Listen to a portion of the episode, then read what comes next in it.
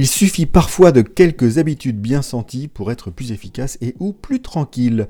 Bienvenue, vous êtes sur J'ai pas le temps pour ça, le podcast proposé par Eric Boucher où je vous partage des trucs, des astuces, des outils, des méthodes pour être plus efficace au quotidien et terminer la journée plus tranquillement, justement.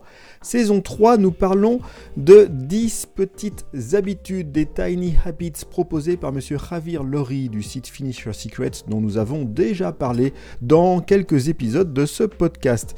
Il nous propose 10 habitudes, ce sont les siennes, mais un certain nombre sont intéressantes évidemment, vous prenez ce que vous voulez et vous allez retrouver des choses dont on a peut-être déjà parlé dans des épisodes précédents.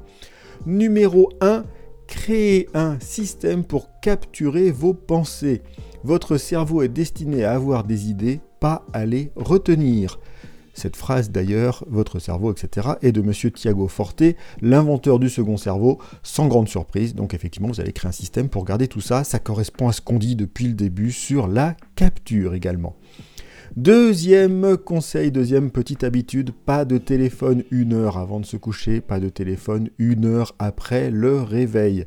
Le premier est assez bien connu, on en parle avec la lumière bleue, l'endormissement, etc.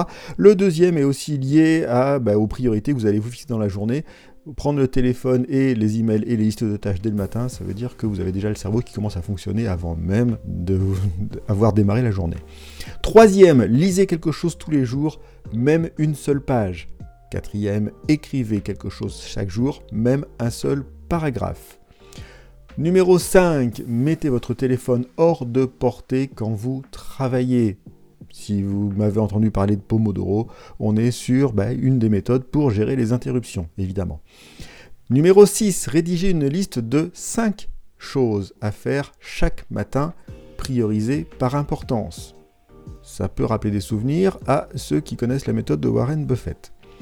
Numéro 7, apprenez à utiliser la méditation par scan corporel, ce qu'on appelle en anglais le body scan, pour vous endormir rapidement. Numéro 8, qui est toute relative, couchez-vous 30 minutes plus tôt, plus tôt que d'habitude. Numéro 9, décomposez les problèmes que vous avez en étapes actionnables les plus petites possibles. Si vous avez lu ce que je dis sur la matrice Eisenhower, on est en plein dans la case planifiée. Cette planification consiste avant tout à identifier les étapes et à les mettre dans un calendrier.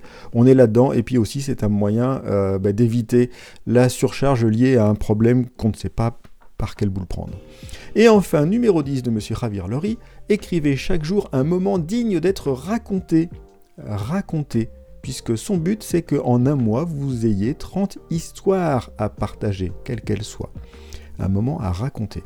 Donc voilà les 10 tiny habits que nous propose Ravir Lori. Vous en prenez ce que vous voulez, vous testez aussi, parce que c'est des choses qui peuvent se tester sur un temps, et vous voyez ce que ça peut vous amener.